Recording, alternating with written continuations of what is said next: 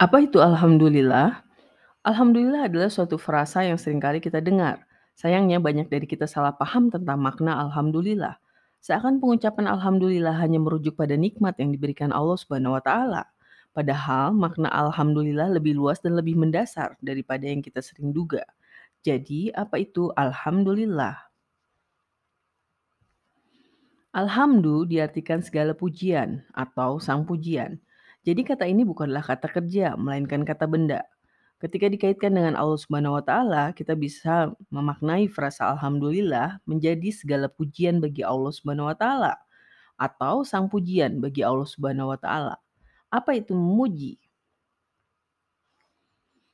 Memuji adalah hal yang biasa manusia lakukan jika merasa takjub. Jika kita bertemu dengan bayi yang cantik, tentu kita akan refleks memuji. Memuji siapa?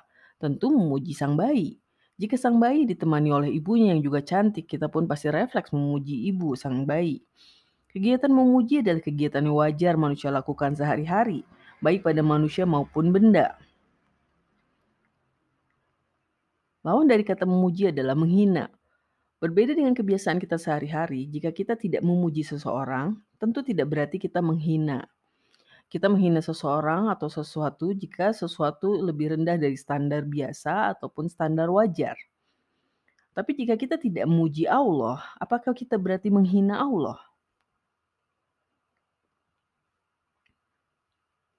Dari semua pujian yang dilontarkan pada manusia, siapa yang paling berhak akan pujian? Jika memuji manusia akan kecantikannya, apakah dia yang membentuk wajah dan tubuhnya sendiri?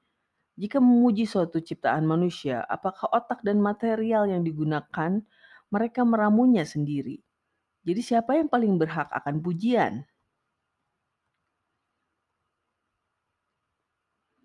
Iya, hanya Tuhan yang berhak dipuji. Tuhan yang menciptakan semua hal yang diilmui manusia. Itulah makna sebenarnya dari alamin yang sering diartikan semesta alam. Padahal maknanya lebih luas dari itu. Semua hal yang diilmui manusia, diketahui dan ditemukan manusia dalam kehidupan ini, hanya Tuhan yang menciptakan dan hanya Tuhan yang layak disematkan padanya pujian.